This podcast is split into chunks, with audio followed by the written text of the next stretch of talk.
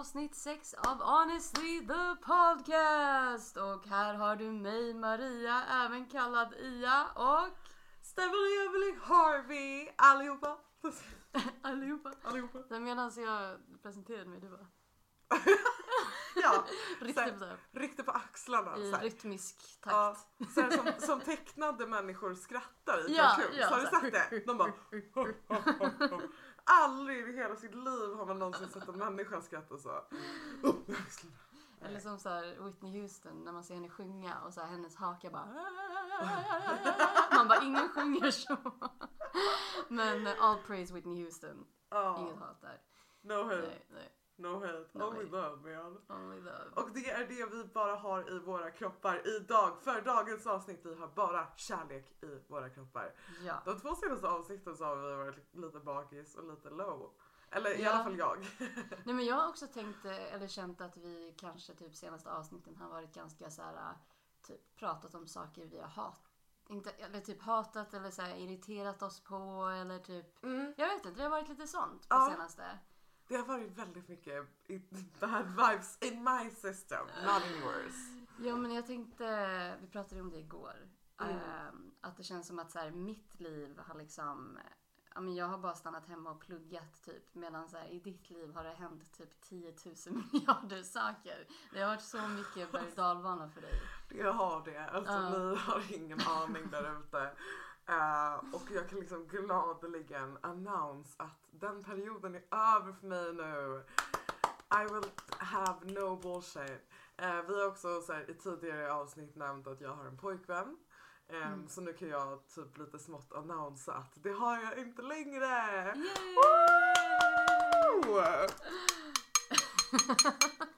Och då vill jag också bara så här säga att ehm, tack för den här resan. Skojar.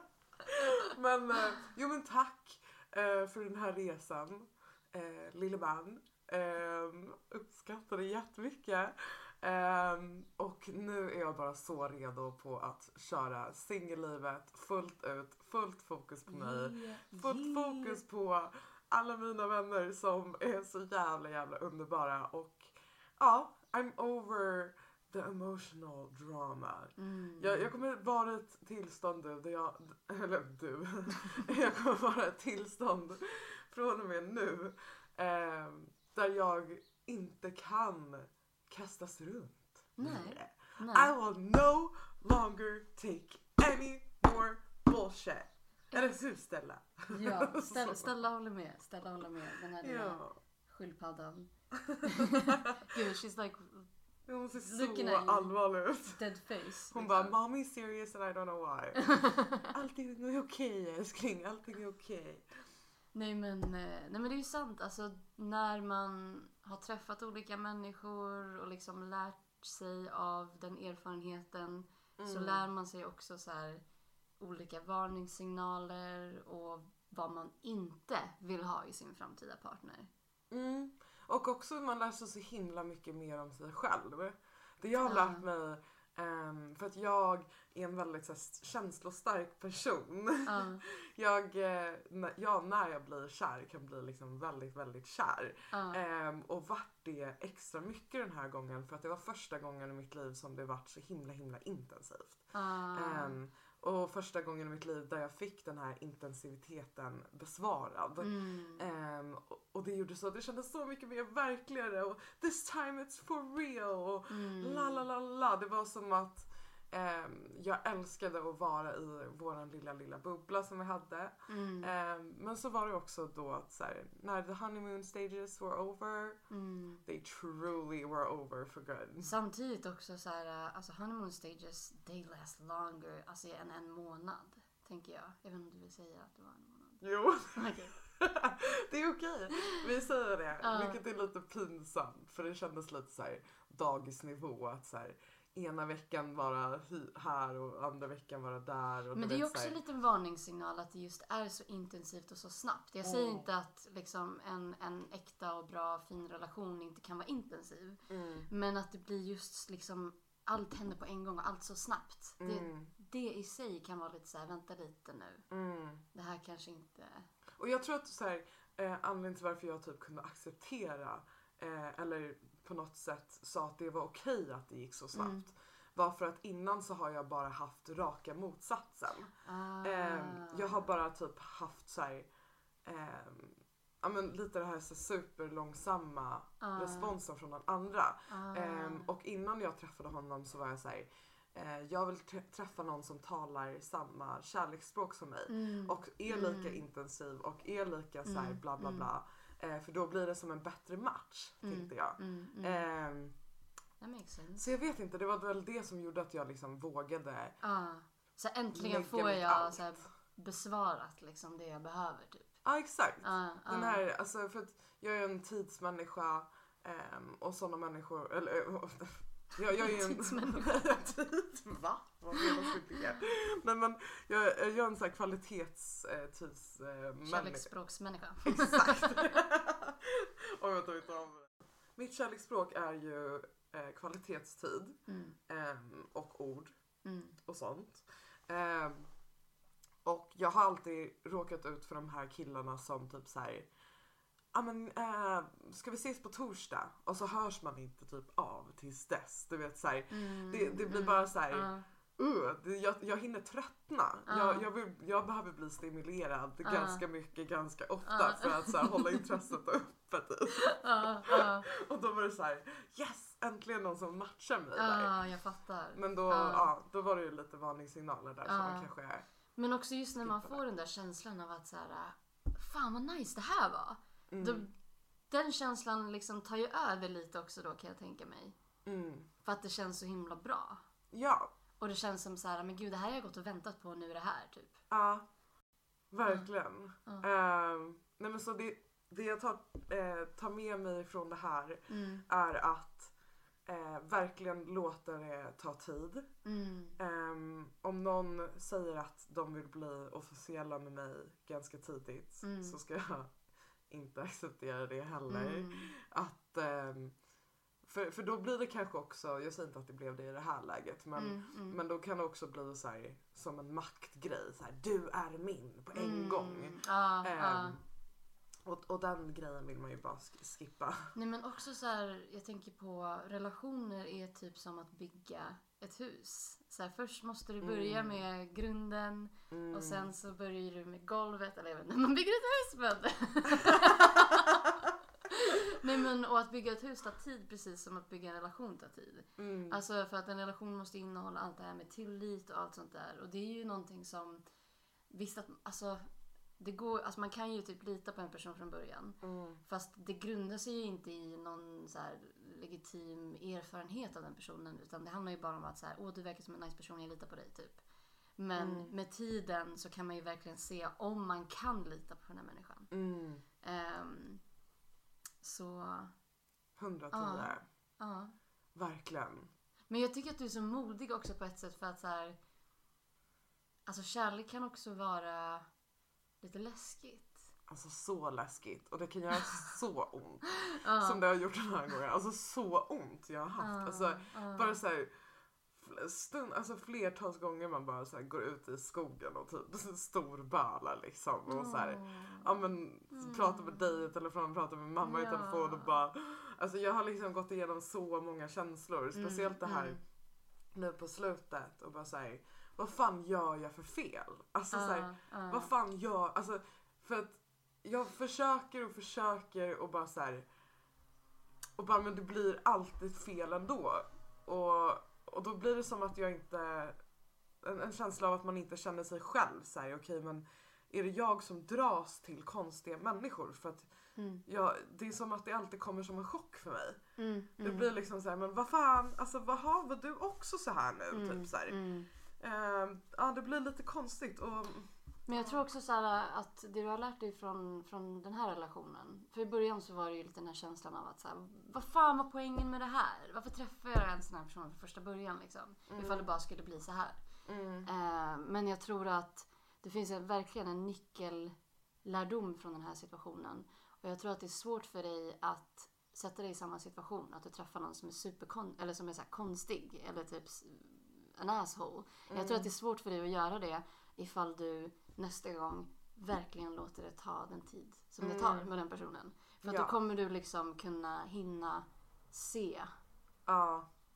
Exakt. ifall, ifall det är någonting. Precis, Liksom. jag, jag lägger mig inte ens i den situationen där Mm. jag kan bli sårad eller utsatt. Mm, mm. Exakt, exakt. Att, att man, och, och jag trodde typ ändå att jag gjorde lite det, eller okej kanske inte riktigt men ehm, jag trodde ändå att jag gick in med rätt inställning. Mm. Eh, och det kanske är rätt inställning bara att som vi har sagt nu att jag skulle låta det, ge det lite mer tid. Mm. Ehm, för att den inställningen jag hade nu var... Vänta. Jag tänkte bara på att min mening lät så himla konstig. Vänta. Nej, det är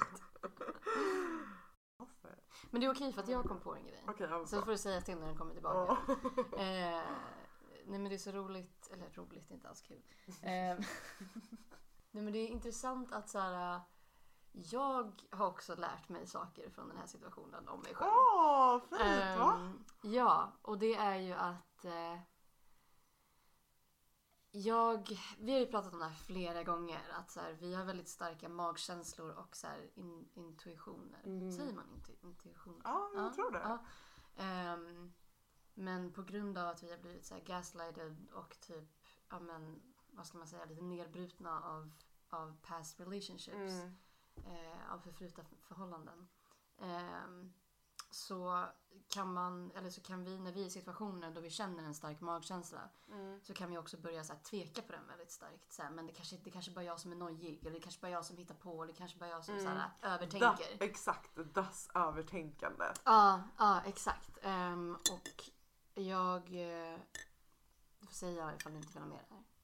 Men eh, jag, eh, jag träffade ju den här personen som Mm. du inte är med längre. Ehm, och hade en väldigt stark magkänsla som jag på något sätt bara försökte så här, skjuta bort.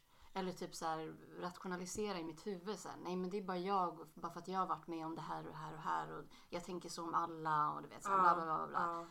Men det är ändå intressant att så här, i efterhand bara så här, okej men hur var det jag kände? För att det var ändå en magkänsla. Ja. Och jag hade rätt om den magkänslan. Eh, och också en annan sak som jag har lärt mig om mig själv är att så här, eh, jag, jag vill inte heller vara den som så här, spräcker någons liksom lyckobubbla Mm. med eh, olika känslor och tankar som kanske liksom inte ens är min magkänsla. Eh, och jag hade alltså jag har verkligen ändå ehm, under den här relationen Mm. mot slutet så har jag ändå verkligen så gått utanför mitt comf- min comfort zone Mm. och ändå så sagt rakt på sak vad jag tycker. Mm. Ehm, och jag är så glad över att jag liksom... För jag kan ha lite svårt för det ibland. Men Mm. det är verkligen någonting som jag tränar på och känner att... Jag vet inte, den här situationen... Jag har också lärt mig saker om mig Ja. själv liksom. För det, det här som du nämnde nu, det, vi har ju pratat lite om det också. Ehm, och är det då att du känner typ så här att om jag berättar hur jag egentligen, eh, vad jag egentligen kände. Ja. Eh, alltså är du rädd för att såra någon? Eller så här, varför tror du att det har tagit emot lite att så här, kunna vara helt öppen med dina magkänslor? Alltså det, delvis på grund av det här inre konflikten. Att man tvekar på om det är ens magkänslor. Mm. Fast ändå så känns det som att jag ändå på något sätt vet när det är magkänsla och när det inte är det. Mm, Men mm. att jag ändå kanske inte typ, jag vet inte, jag är ju så mycket i mitt huvud liksom. Det är så mycket arbete här uppe så att jag liksom Ja. förstör lite. Man kanske inte vill så här, som du sa tidigare också, att man inte vill eh, burst a bubble. Alltså lite som... ehm, I onödan. Ja. Alltså det är såklart att jag tänker göra det om jag verkligen känner så här, det här är jättedåligt för dig. Liksom. Ja, för, för jag, jag känner igen mig själv i det där lite så här med, med tjejkompisar som har varit eh, tjejkompis med någon som man har en historia med. Ehm, Mm. och ehm, alltså även fast jag och min magkänsla säger att den här personen är inte bra för mina tjejkompisar. Mm. Då har inte jag velat ehm, lägga de grejerna på dem. Mm. Eller på mina tjejkompisar. För att Mm. Ehm, ett, jag vill att ehm, alla personer ska få en andra chans i livet. De kanske har förbättrat sig. Mm. Eh, två, jag vill att så här, mina tjejkompisar eh, ska få lite så här, kanske avgöra det själv. Eller typ Mm. så här, deras resa, resa ska få utspela sig så som Mm. den ska. Mm. Mm. Utan att jag kommer in och liksom ja, men stör lite Mm. där.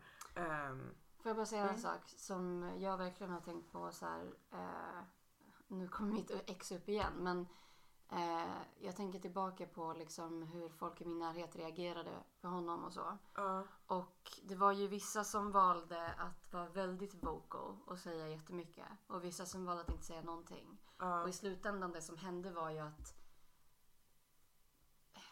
personen i ett ohälsosamt förhållande kommer aldrig lämna förrän den personen själv har liksom kommit till den platsen. mm, Samtidigt, de som sa saker och fortsatte säga saker mm, hade ändå, det var som att det liksom la sig någonstans. Här, den informationen la sig ändå i bakhuvudet på mig. mm, Och liksom eh, började stapla sig på varandra. Så till slut när jag väl liksom lämnade, lämnade relationen så vet jag att de som har sagt någonting hade haft en påverkan på mig. ja, För om ja, alla hade varit tysta ja, då hade det nog tagit mycket längre tid för mig. mm, Samtidigt som även fast de sa någonting de Mm. tänkte säkert och kände säkert så här jättestor hopplöshet för att jag Mm, fortfarande mm. inte tog emot det. Liksom. Och jag gjorde Mm. inte det för stunden.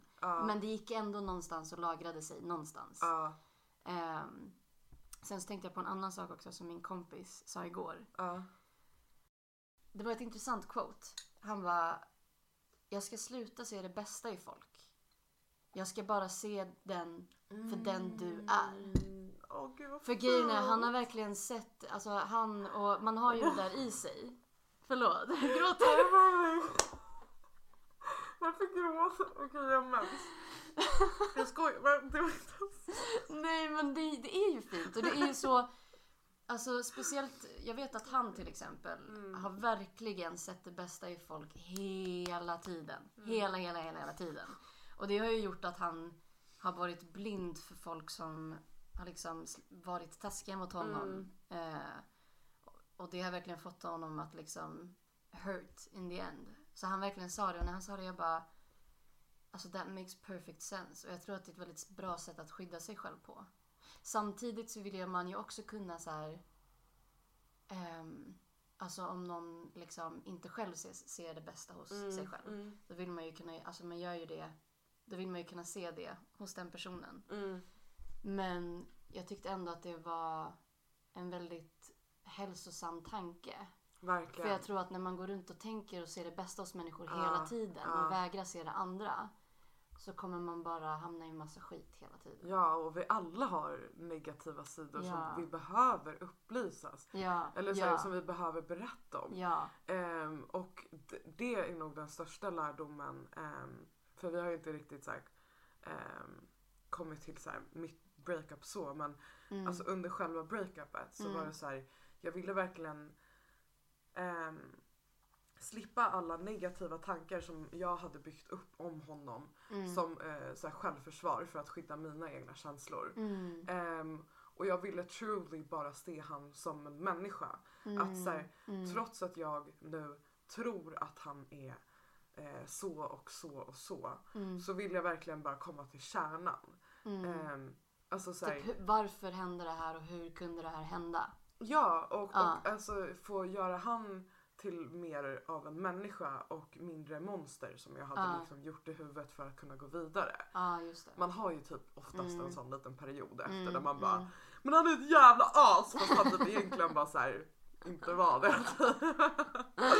och sen efter, efter typ någon månad så bara okej men han var okej ändå då. Ja, typ så här, ja. kommer man över det. Så, lite barnsligt sådär. Men ja. eh, human connections man, they're Ja. so important. Och eh, man måste kunna vara ärlig med sina Ja. dåliga sidor. För att eh, om man vågar voice them out så kan man Mm, connecta med varandra. Mm. Annars så kan man inte det. Um, det återgår till, eh, just det jag tänkte tipsa om eh, en YouTube-serie, eller en, en kille som har en YouTube-kanal som heter Psychology in Seattle. alltså den är Eh, så bra. Wow! Alltså Ja, jag, det var så jävla sjukt för att ehm, eh, sista kvällen som jag träffade honom så hade jag kollat på de här videorna innan och det kändes som att det så här förbered, förberedde mig psykologiskt för Mm. vad vi skulle ha för samtal. mm, Ehm, och ehm, just det, i de där så snackar han om att, om att vi människor, ehm, när, när någon låter för inövad mm, När de pratar. ja. så kan det oftast vara ett skydd för dem själva. Och det kan också ses som att man inte pratar från hjärtat om man bara Mm. kommer med one-liners hela Mm, tiden. Så här, mm. Men jag älskar ju dig och la Allt la la la la. Ja, ja, exakt. Ja. Verkligen. För att vi människor är messy när vi pratar och då var det som att jag i vårt huvud när vi hade det där snacket tänkte på att så här, fuck, I wanna, jag vill bara skaka om den här, det här samtalet nu. Ja. I wanna make it messy. Ja, Så att det, ja. det är från hjärtat. För att många som, som har det här fina snacket eh, har också eh, oftast vuxit upp med att de behöver s- säga sådana saker eller låta perfekta eller vara Ja. perfekta De behöver vara the sunshine of the family typ. för att inte bli lämnad. Mm, Och om, mm. man, om man kan liksom identifiera det i situationen att säga, Mm. aha, nu säger han en one-liner inte för att manipulera mig utan för att han är rädd för att han blir lämnad liksom. Mm, mm, Ehm. Och försöker liksom Mm. skala av det där. Mm. Då, då kan man verkligen ha ett så mycket ärligare samtal som Mm. verkligen kommer från hjärtat istället. Mm, Ehm, och verkligen se att så här, det här är bara en struktur som han har fått ifrån sin barndom. mm, mm, Samma sak med människor som eh, känner ett behov av att ljuga om saker. Det är ju så här, ehm, de har alltid behövt eh, låtsas som att allting är bra Mm, för att annars mm. blir de lämnade av sin morsa Mm, eller någonting. mm. Och det är ju det där som är så himla fucked up med så här barndoms... När man har lärt sig saker från barndomen som inte funkar liksom i vuxenlivet men man bär kvar det ändå. Ehm, när man inte tar tag i det så förstör man bara för sig själv och liksom Mm. pushar människor ifrån sig. Nej, jag vet inte vad jag ska Okej, säga. Jag vet inte vad jag ska säga. Men ehm, jag fortsätter lite på the breakup story då. Ehm, nej men för att det, det som hände var liksom att jag ehm, jag ville avhumanisera honom för att det skulle bli lättare för mig att lämna honom. Mm. Vilket gjorde att jag byggde upp en ilska, och i och för sig en rättfärdigad ilska i min kropp. Ja, i alla fall. Summa summarum av, av det som hände. Det, det, var, det har varit tufft och det har varit jobbigt. Ehm, men det, vi kom till kärnan till slut. Mm. Och jag tror att det var superviktigt för båda av oss. Jag tror att han, det vi har pratat om nu, lite Mm. de här inlärda eh, sakerna och Mm. som Mm. har med rädsla och eh, så här, övergiven, övergivnad, eller vad säger man? Över... Abandonment på svenska. Över... Separations... Eller? Ja men typ. Separationsångest? Ja, ja.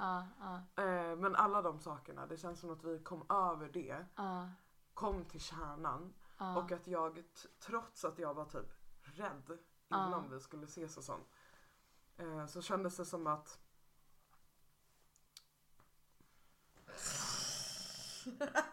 Så det här går ju bra. Nej men trots att du var rädd eh, innan ni skulle ses Mm. så lyckades ni ändå. För grejen jag var ju, alltså jag var ju rädd att så här, ehm, ja men ni lyckades ändå komma till kärnan och kunde liksom stå öga mot öga. Utan alla de här ursäkterna eller liksom allt runt omkring. Mm. Men du lyckades ändå komma dit. ehm, men du hade ändå liksom, vad ska man säga, tagit dig vidare. Mm. Ehm, vilket jag är så stolt över. Mm. För att det känns som att hade du kanske varit lite mindre typ experienced Mm. och kanske lite mindre förberedd så hade du kanske, ditt, alltså när ni stod där öga mot öga ehm, och liksom kom till den platsen så hade det kanske varit för mycket för dig. Mm. Och du kanske hade bara blivit så här, men åh, åh, ast- åh, och bara liksom Mm. typ kramat honom och sen bara kiss, kiss, puss, puss. Ja. Back together. Nej men, ja men verkligen och det kändes som att också så här, på vissa sätt så har mina tidigare erfarenhet hjälpt mig i den här situationen. Mm. På andra sätt så märkte jag att det ehm, lite skadade mig också. Mhm. Eller inte skadade mig men Mm. ehm, på grund av att jag har varit med så här, våldsamma, oförutsägbara människor. Mm. Så var det som att jag var så himla himla rädd fast jag egentligen inte behövde vara det. Ah. Ehm, för adrenalinet pumpade och Ja, allting. ja. Det var ju mycket känslor som liksom kom upp och vi var på väg ut till ett spott ute i skogen.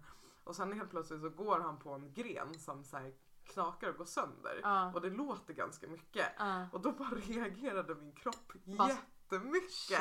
Jag var alldeles supersvettig. Det kändes som att han skulle attackera mig. Bara för att han gick på en gren. Oh Förstår du? Shit. Så, så här, på det sättet, så här, Ja, det ja. kanske inte är så, här, så hjälpsam erfarenhet liksom, om att tro att man ska bli attackerad när man tar en promenad. Liksom. Alltså, så, här, så ja, både erfarenheter som hjälper och stjälper. det heter. Nej men det där känns ju som så här. um, Alltså jag har, jag har ju också det där lilla liksom ärret i mig. Att jag så kan få för mig att... Alltså jag har ju några män i mitt liv som jag liksom litar på till 100%. Mm. Men så här, utöver dem så, är det, så kan jag liksom få för mig att så här, men gud han kanske ska mörda mig nu. Alltså så här, kan Ja, få, nej men jag kan få så, så här sjuka tankar. Ja! ja. Men, men grejen är, eh, det är ju liksom baserat på att man har varit med om lite fucked grejer. Mm. Samtidigt som det är nästan som ett, så här, ett öppet ärr. När man, alltså när det händer saker, alltså när mäns våld mot kvinnor bara upprepas och upprepas och upprepas och upprepas. Man bara Mm. läser om det och läser om det och läser om det och läser om det. Och det är liksom Paolo Roberto och det är hit och det är dit och det är, alltså Ja. det är liksom allt möjligt. Och Ja. jag liksom jag vet inte, jag är ganska mycket så in the loop och typ så här, ja men vill liksom, alltså vill läsa om sådana här saker och vad som händer och bli medveten om det. Mm. Men att veta om allt som händer hela tiden. Det är nästan som att, alltså då bygger, då bygger man upp en annan slags ilska, en Ja. annan slags frustration. Liksom. Exakt, för att eh, det, det finns ju människor Och för, som... förlåt, ja, förlåt, men innan du säger det. Ja. Utan den så skulle vi inte kunna bli feminister. Utan den ilskan skulle vi inte kunna göra någonting. Det är ju det som driver arbetet med feminismen framåt. Men det är också en balansgång för sig själv. Att liksom känna att det inte ligger på en ohälsosam nivå när man bara blir arg och mår dåligt över det. Ja, men, ja exakt. Ja.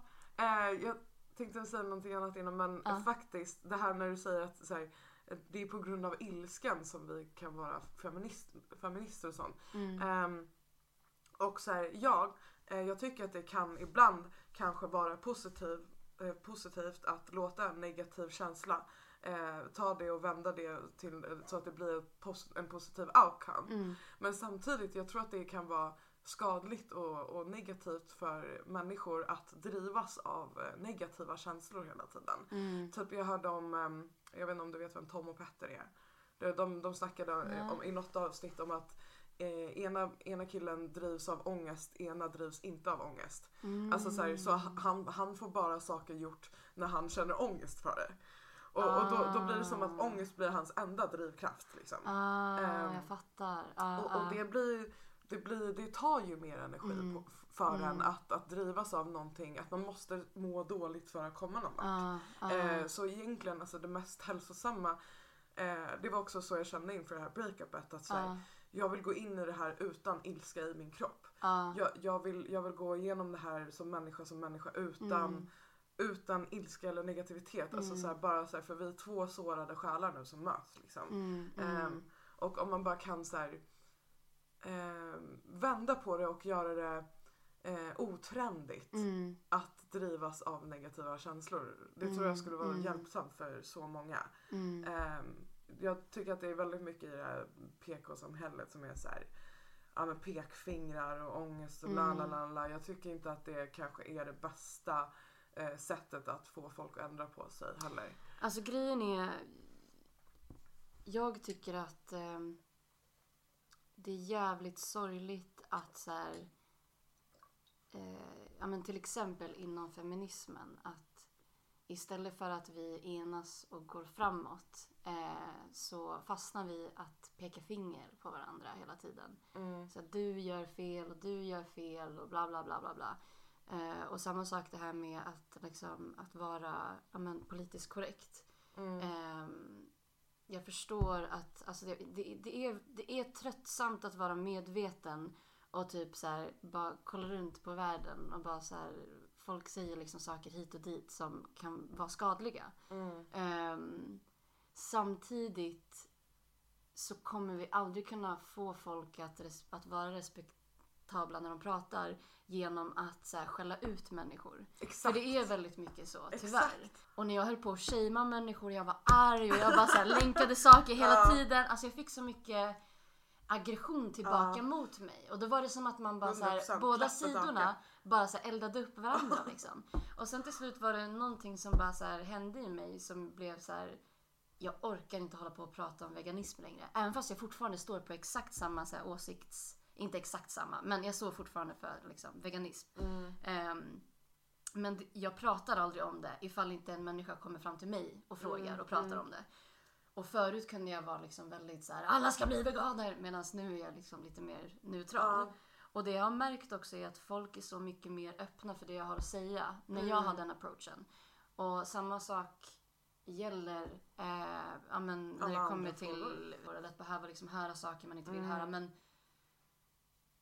vi kommer nog aldrig komma någonstans om alla bara pekar Nej. finger och är arga på alla hela tiden. Precis. Och så här, du kommer aldrig kunna få alla att bli som dig eller tänka som dig ändå. Så varför ska Mm. du gå runt och ha en massa ilska i din kropp som för jag tror verkligen på det här att om man går runt med ilska i sin kropp eller hat eller någonting Mm, så skadar du bara dig själv. mm, Alltså det, det är som att för att de här negativa känslorna jag, jag ser det som energier liksom. Det kommer bara fucka ditt immunförsvar och allting. Alltså. Ja, nej men det är sant. Men det är det som är så sorgligt, eller typ Det är lite tragiskt där när det kommer till så här, samhällsfrågor. Att suffragetterna till exempel. Oj vänta vad är det?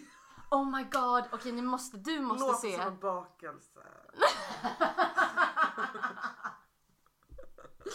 De är anledningarna till varför vi har rösträtt som kvinnor typ. Oj! det var det var bak. Nej. Nej men det var kul, det var kul. Nej men okej jag måste tipsa om en film. Ja. Eh, till alla som lyssnar också som heter The Suffragettes. Aha. Som handlar om eh, eh, kvinnorörelsen i England på typ så här 1900... Alltså de, de började typ i slutet av 1800-talet.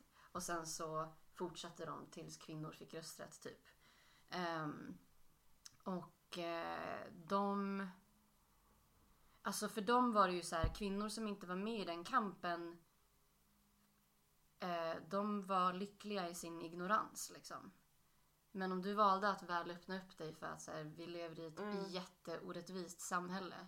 Mm. Eh, det skulle ju betyda att de var tvungna att leva med att vara olyckliga och arga typ. För att det är så här, hur, alltså Hur kan du inte vara Hur- medveten om det här och må bra? Typ? Ja, exakt. Och det var ju eh, en kvinna som... Eh, jag, vet, jag kommer inte ihåg vilket år det var, det kanske var 1917 eller något sånt där. De skulle filma på så live, så en galopptävling. Mm. Ehm, och så ställde hon sig med så här, så här Votes for Women-skylt Mm. framför en häst som sprang över henne och hon dog. Så hon blev ju så här martyr för den Vänta varför sprang en häst över henne? Alltså hon var, de åkte till en så här galopptävling som skulle filmas på TV. Ah, och på då den tog tiden- självmord med flit? Ja, på den tiden eh, så var det ju inte mycket som spelades på TV. Så när det väl var någonting så var det liksom så här, okej hela England kollar på det här. Liksom. Ja. Eller, ja. Så tre kanaler. Ehm, ja, men så hon blev ju som en slags martyr och efter hennes död Mm. så blev det så himla uppmärksammat så det var ju typ delvis därför kvinnor fick rösträtt. Ehm, nej men på något sätt så lever vi ju i ett samhälle som, eller i en värld som både är olycklig och lycklig. Som både är hemsk, som både är fantastisk. Mm. Och vet man om allt hemskt som, som händer så är det ju så måste man ju på något sätt lära sig att leva med en slags Mm. sorg Mm. om det. Men det är ju inte Mm. någonting som man är såhär, åh jag är sorglig hela tiden liksom. Nej. Men för mig, jag vet att vissa människor kan leva så, men för mig är det omöjligt att vara liksom typ Alltså det, jag vet inte om det är en högkänslighetsgrej, men det känns som att det är omöjligt att vara 110% lycklig all the time Gud, knowing ja. that the world is fucked up. Gud ja, och typ en största tragedi kan visa sig och, och faktiskt ge iväg någonting bra också. Ja, Som eh, Ja. våran vänskap, det vi var med om. ja, Alltså det, det är liksom Du gjorde så att jag kunde leva med det största traumat. Som- same. alltså, Alltså, right back at Det you. är så här, du, right du har gjort så att jag kan ta det och vända, vända det till något positivt. Och på grund av allt skit och så dåligt man har mått Mm, så har man sen till slut kunnat hjälpa andra som också är i samma sits. mm, Alltså mm, I'm getting the chills right now girl. I'm getting the chills. För att det var se- senast Det den här veckan som jag hade det samtalet det så här, med en person som är mycket, mycket tidigare i det där sorgearbetet. Än, Mm. än, eller så här, jag kände igen mig själv. Det var som att jag såg mig själv i början av Mm. när man började jobba på allt det där. Alltså förlåt, Eh, ja, förlåt. ja. men båda vi har ju sagt i olika sammanhang Mm, vad som har hänt oss. mm. Ehm, så istället för att eller, typ, Vi ska prata runt det. Typ. så kan vi bara säga så här, vad det är vi har varit med om. Ja, jag vet. Ja, men... eh, Oj. Yes. Ja, men ja, okej. Våran våldtäktsman. Ja. alltså. Eh, jag tror att ni alla vet om det. Ja, det vet ni. Jag vet inte men det är så det är. Ja. Det är väl så vi känner varandra. Det är så vi lärde känna Ja. varandra. Alltså, Jag kommer fortfarande ihåg första gången vi träffades. Ah. Och hur sjukt det var. ja. Alltså det var så sjukt att så här, någonting som man typ har bärt på och skämts och liksom ja, men mått så dåligt över. Och så Mm. bara träffades vi och jag hade ingen aning om så här, vi kanske inte liksom, det kanske inte skulle bli Klicka, nice. Eller man klickar inte eller någonting. Och vi bara satt där och bara Alltså det kändes som att så här, en ryggsäck med typ tegelstenar bara Ja. här, lyftes bort från min rygg. Ja. Ehm, och då var ju fortfarande så här, caset ett case. Ja. Eh, så det var ju lite typ så här att vi att det inte var bra att vi skulle umgås eftersom vi båda liksom var Mm. inblandade men eh, ja, han, hade, han hade ju jätte, jättemånga anmälningar av samma brottstyp emot sig Ja. fick jag höra. Ehm, så vi pratade ju om någon som liksom ja, Det var, vi, vi, vi sket i, i det och bara fan vi behöver läka och det tyckte jag var helt rätt val. För när, när jag träffade dig det var som att det kändes som att jag träffade, skulle träffa min syster eller någonting. Alltså, det, var, det, var, på något skumt sätt som att så här, när jag pratade med dig om det så var det som att jag pratade med mig själv om det på något sätt. ja Förstår du? Det var som ja, att så här, ja, det var som att nu får jag äntligen prata om det här på ett sätt där jag inte behöver skämmas. Ja.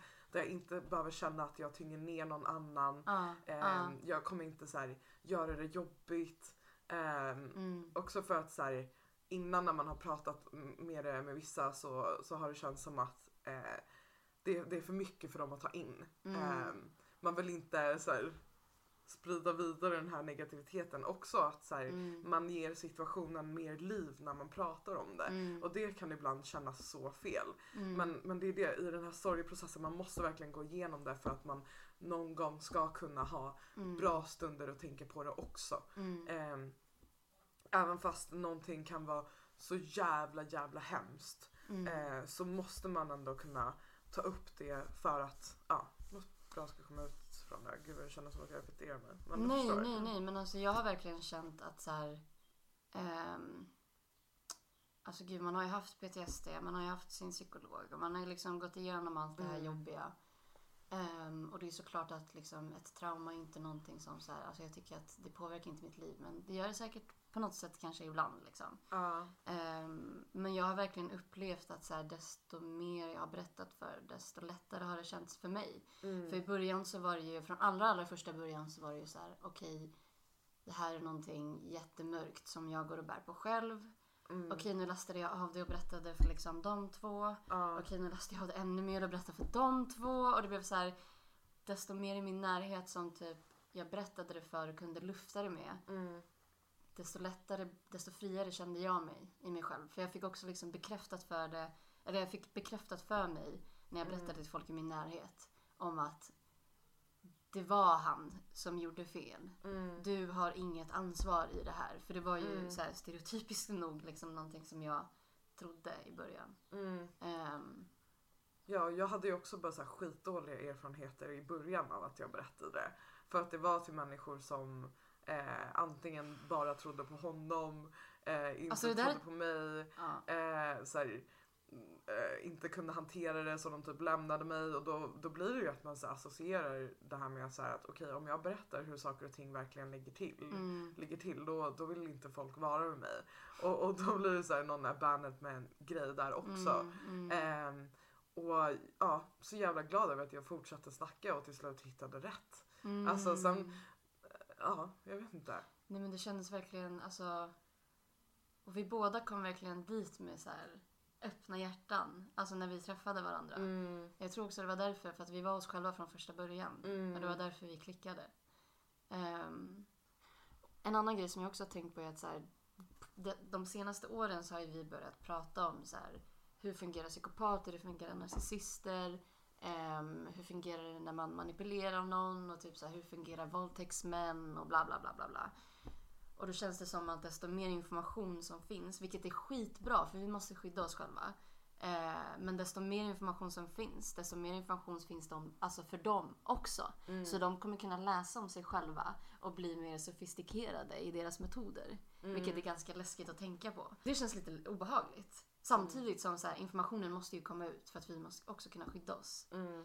Men, ja. Alltså jag tror att det är typ den viktigaste lärdomen som har kommit ut från he- hela den här situationen. Är att så här, en människa kan verkligen vara ond och god. Mm, Alltså så här, bara för att du är egentligen en asond människa som har skadat så många människor. mm, Så kan du fortfarande vara en snäll kille. Mm. Liksom. Och, och det är det som det kändes som att det, det var typ det, det största ehm, ehm, mothugget i början. Typ. Eller så här, det, det största motgången mm, eh, var liksom att få folk att förstå att så här, nej men Michael Jackson kan faktiskt ha våldtagit de här små mm, killarna. mm. Så här, trots att han var en stor superstjärna. Nej, och att alltså, vi ja. väljer att liksom ehm, inte bara så här, förlita sig på att eh, det är svart och vitt. Utan det, Mm. det, det finns liksom gråskalor överallt. Ja, alltså jag blev så, irrit- eller jag blev så irriterad när folk, för det var ju samma sak med metoo att så här, men han, han som är så snäll och du vet så här,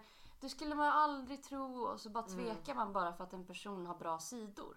Och det är det som så här, vi måste inse att våldtäktsmän och alla de här människorna som gör såna här grova brott har också bra sidor. Precis, alltså, om, om såna här människor bara hade dåliga sidor då skulle inte de kunna fun- alltså function, de skulle inte kunna ha människor runt omkring Nej. sig för folk skulle se igenom dem på en gång efter en sekund. Alltså narcissister och psykopater, alla de här människorna ehm, de livnär ju sig på att vara karismatiska, charmiga och snälla och liksom det är ju en del utav deras grej. Ja. Vi måste verkligen inse att människor som har bra sidor kan göra fruktansvärda saker. Mm. Precis som människor med fruktansvärda sidor Mm. kan göra bra, bra saker. Man måste typ snarare ja, men försöka gå på, jag vet inte, sin magkänsla eller vad det nu... Man måste liksom bygga upp, Ja. se personen för den den är, inte Ja. bara se det bästa. Och sen också typ att inse att ehm, du kan vara typ hur förberedd som helst Mm. på att ehm, på att säga ja, men ingenting kommer hända mig för att jag, jag kan ju se de här tecknena. Mm. Jag har ju läst på så himla mycket om det här. Mm. Eller, eller jag har ju varit med om det här så därför kommer det aldrig hända mig igen. Och, och Mm. ehm, att, att också så här, på något sätt bara acceptera att skit kommer kunna hända oavsett. Mm. Eh, när Ja. som helst. Och vissa människor kan verkligen så här, i flera år lyckas liksom hålla någon slags mask om att de är en person som de egentligen inte är. Alltså det är, därför, det är därför de fortfarande finns bland oss. Om inte de kunde göra det så skulle de inte så skulle inte de fin- alltså de skulle inte finnas, de skulle inte kunna klara sig för de skulle inte ha några människor runt omkring sig. Nej. Ehm, jag tycker vi, vi går vidare till uh, någonting lite mer glatt. Ja.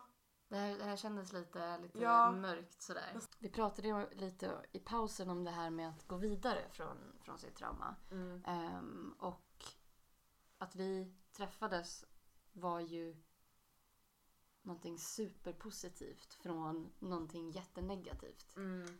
Och eh, jag tror att ehm, det är väldigt viktigt att kunna se det positiva som kom från det. Men samtidigt, gud det där lät lite så extremt. När man har varit med om någonting Nej jättejobbigt. men jag förstår det. Ja, för att, Men efter, ja. alltså det har i alla fall hjälpt mig. För att efter jag ja, men, gick igenom allt det där jobbiga, jag gick till min psykolog eh, en gång i veckan under en lång period. Ehm, och jag gick igenom väldigt, väldigt mycket jobbiga känslor. Mm. Och ehm, det gjorde vi också tillsammans för vi, liksom, vi hade ju varandra i det där också. eh, så har jag liksom i efterhand kunnat se alla de positiva grejerna som kom från det. Och att ha de positiva grejerna liksom i mitt medvetande har hjälpt mig att kunna fortsätta liksom Mm. med mitt liv bara. Ja. Eh, och, och grejen är det är inte alltid som man kan typ se de där positiva grejerna eh, en månad efter att du har börjat snacka om det eller så. Mm. Det, det är inte alltid som det liksom ehm, kommer komma liksom så fort man börjar nudda vid det utan det är Mm. liksom en process man måste påbörja för att sen kunna acceptera ehm, att, att det kan också komma någonting fint utav det. Mm. För att du, du, och också så här, eh, det här får mig att tänka på folk som bara du måste förlåta för att kunna gå vidare eller så här, Mm. och, och så här, fuck that! Vissa grejer är of, oförlåtligt. Mm. Du ska inte behöva förlåta din förövare för att kunna släppa allting. Mm. Ehm, det är okej att, att, att veta att det är fel Mm. och känna och stå fast vid det. Ehm, men man måste börja fortsätta snacka om det. Ehm, och jobba på det med, med människor där man känner att det är okej. Så att man sen kan börja ehm, så, att man, så att man förstår att okej jag kommer inte bli lämnad så fort jag tar upp det. Mm. Det, det är en safe eh, space. Och ehm, för, för det var en person som öppnade upp sig till mig om sitt trauma för inte så länge sedan. Och ehm, det var som att han eh, i sitt huvud trodde att, att det här bara skulle break us apart. Mm. Han, han, han hade inte berättat för så många så han trodde att han skulle förlora mig då. Mm. Ehm, och jag ville få honom att inse att så här, nej, det här är ingenting som särade på oss. Mm. Det här är ingenting som Förlåt, fortfarande men- påverkar situationen negativt utan jag kommer fortfarande stå vid din sida. Ehm, alltså så här, det här gjorde bara så att jag kände att vi kom närmare varandra. Jag såg det som en Mm. ära att du delade med dig av det här. Mm. Ehm, det här förde oss bara närmare. Resten är bara dina rädslor som, som Ja. gjorde att det faktiskt särade på sig. Ja, ja, Det var bara dina rädslor. Ehm, och desto mer sådana stunder, eh, mer connections man kan få med människor på grund av Mm. det.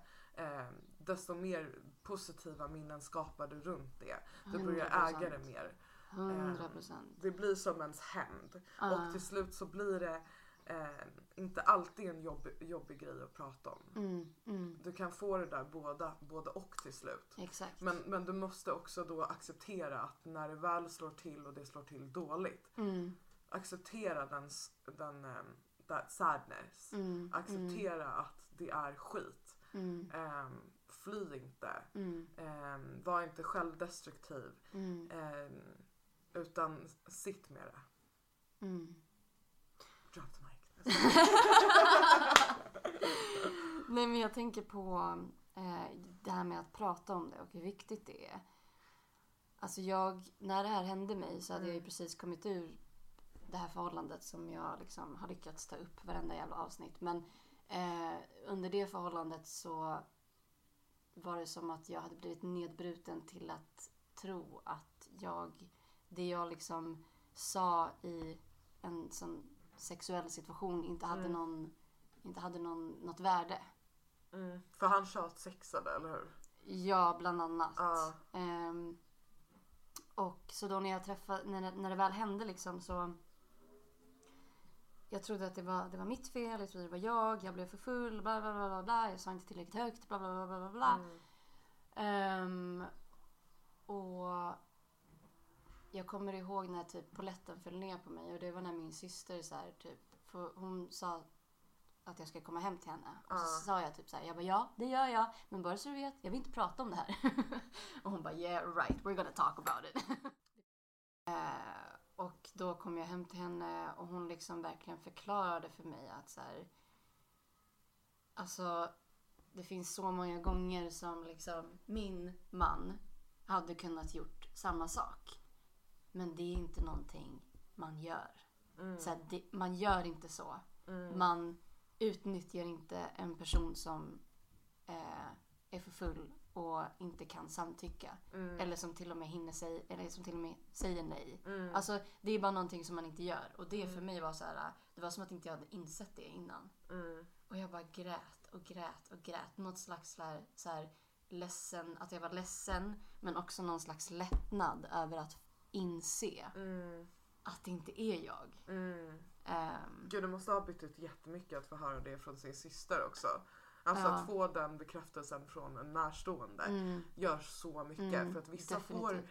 Inte det från sin- sina närstående överhuvudtaget. De kanske bara får Ah. höra det från en psy- psykolog. mm, Men det är så här, psykologen betalar ju tid för att prata med dig. mm, Alltså så här, ja, det, det betyder inte, väger inte upp lika mycket från, nej, nej, från, om det kommer från de som älskar dig. Liksom. nej, exakt.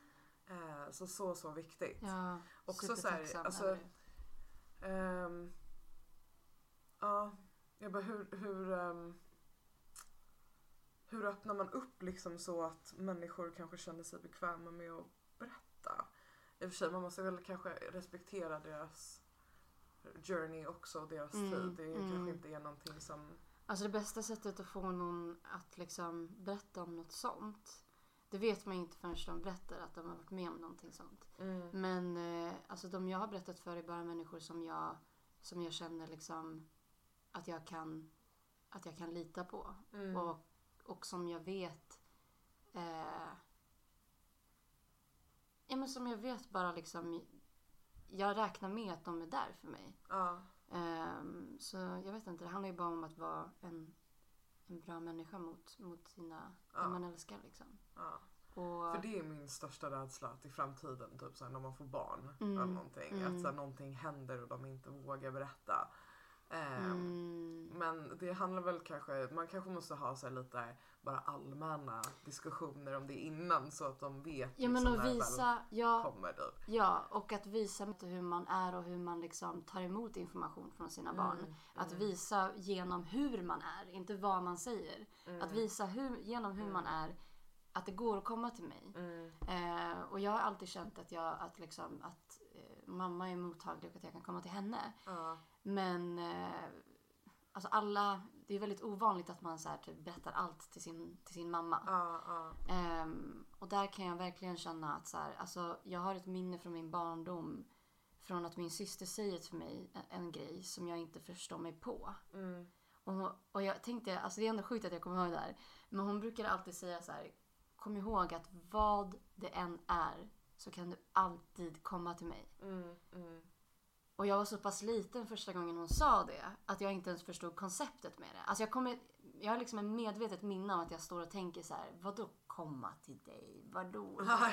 Jag bara, vad, vad, vad menas? Där. liksom?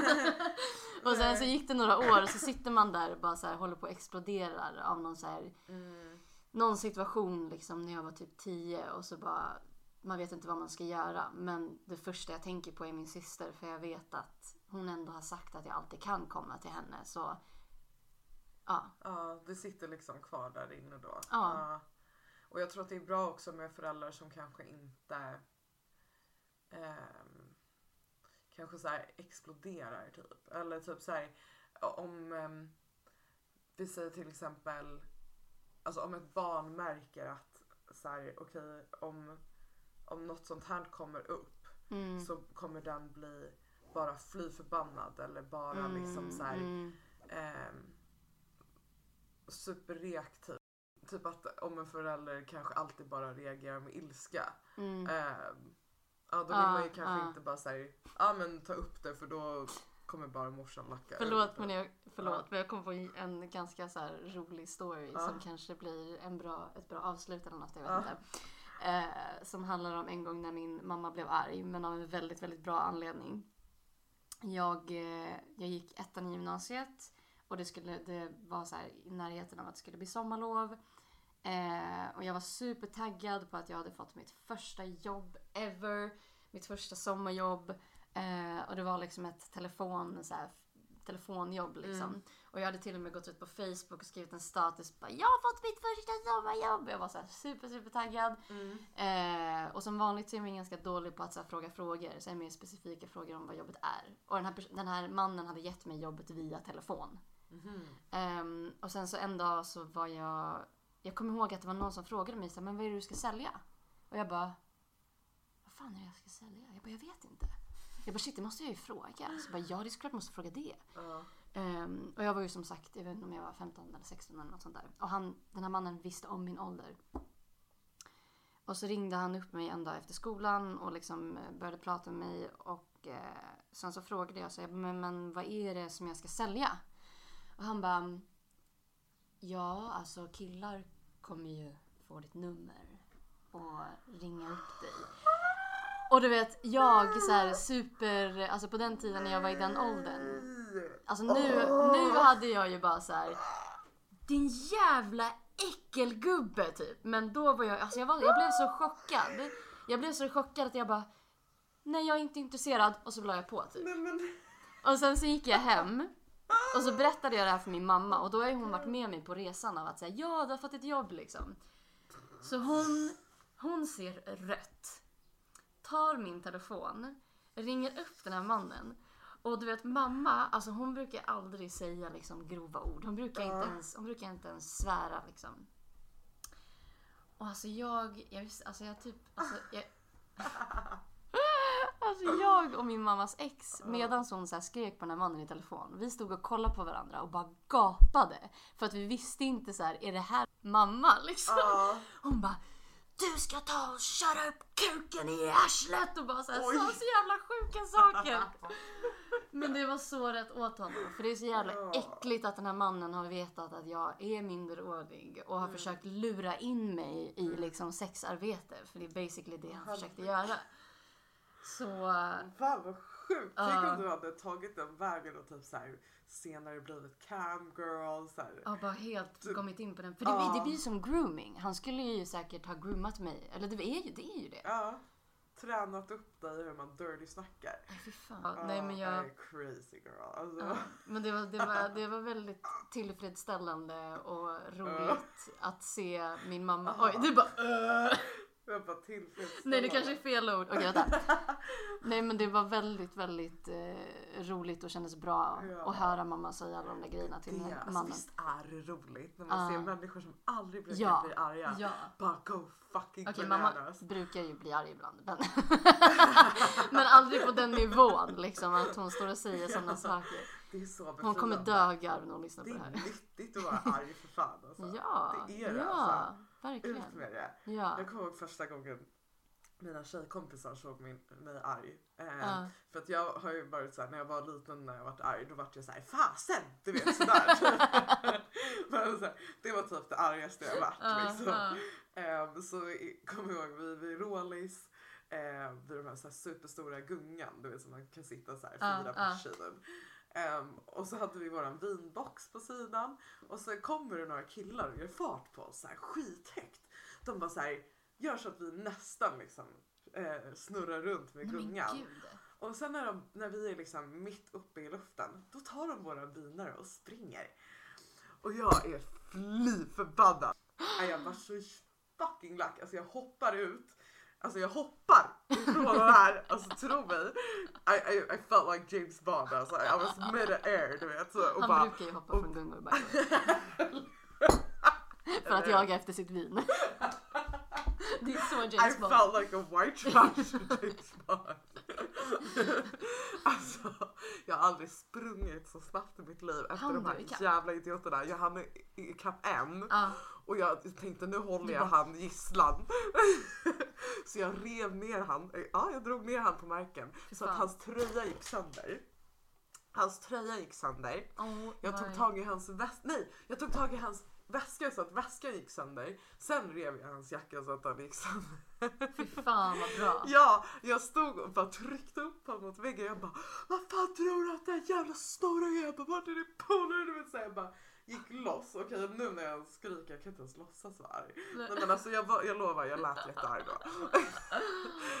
och ja, fick ju tillba- inte tillbaka vinet. Men det var så här, alltså jag gick loss på den här och alltså jag vart ett djur. Nej men det är vissa gånger, alltså nu, nu kommer jag inte ihåg senast jag var så. Mm. Men när man verkligen ser rött, alltså man får ju liksom alltså superkrafter som man normalt sett aldrig har. Ja, Alltså, ja, alright.